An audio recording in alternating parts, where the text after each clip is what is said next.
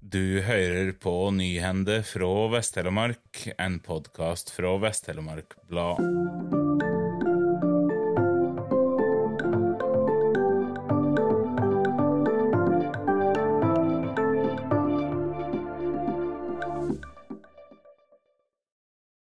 På kort tid har Vest-Telemark etablert det største interkommunale kontoret for rask psykisk helsehjelp, RPH, i Norge. 74 kommuner og 15 bydeler i landet har et slikt tilbud. I Telemark er det fire kontor, inkludert det nye Vest-Telemark-kontoret.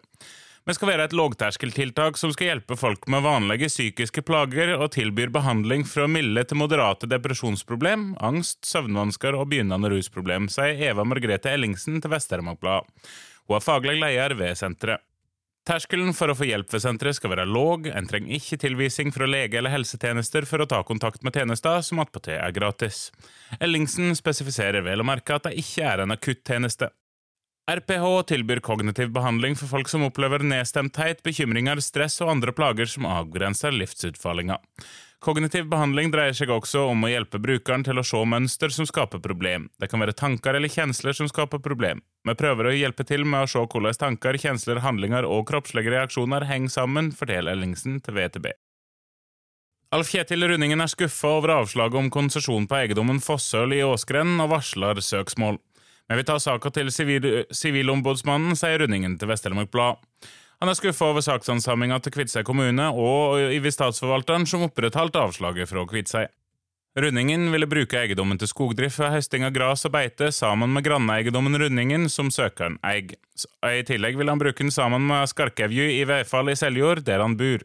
Rundingen driver med høglandsfe og forteller at intensjonen var å styrke mulighetene for seg sjøl og etterkommerne til å få et levebrød ut av gardsdrifta.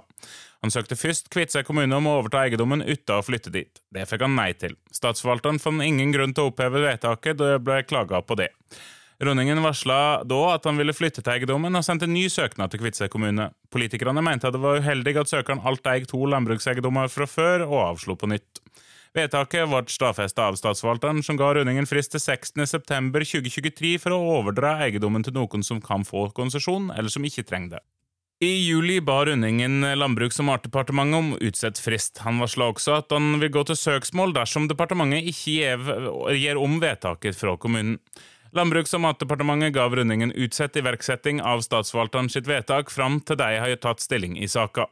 Dersom departementet kommer til at statsforvalterens vedtak ikke blir gjort om, er fristen for å overdra eiendommen til noen som kan få konsesjon eller ikke trenger det, tre måneder etter at avgjørelsen er fatta av departementet. Rundingen kan vente seg svar fra departementet i oktober.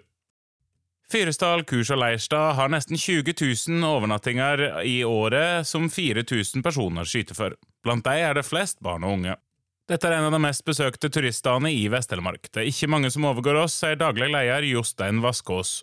I 2012 kjøpte 25 pinserørsler i Telemark det tidligere hotellet i Fyresdal sentrum, og døpte om bygningsmassen og området til kurs og leirstad.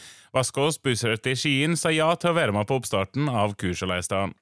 Jeg skulle bare være prosjektleder og få dette opp til å gå, og så har jeg blitt værende her. Det trenger jeg ikke på, sier den daglige lederen med et smil til Vest-Telemark Blad. Tusen takk for at du hørte på.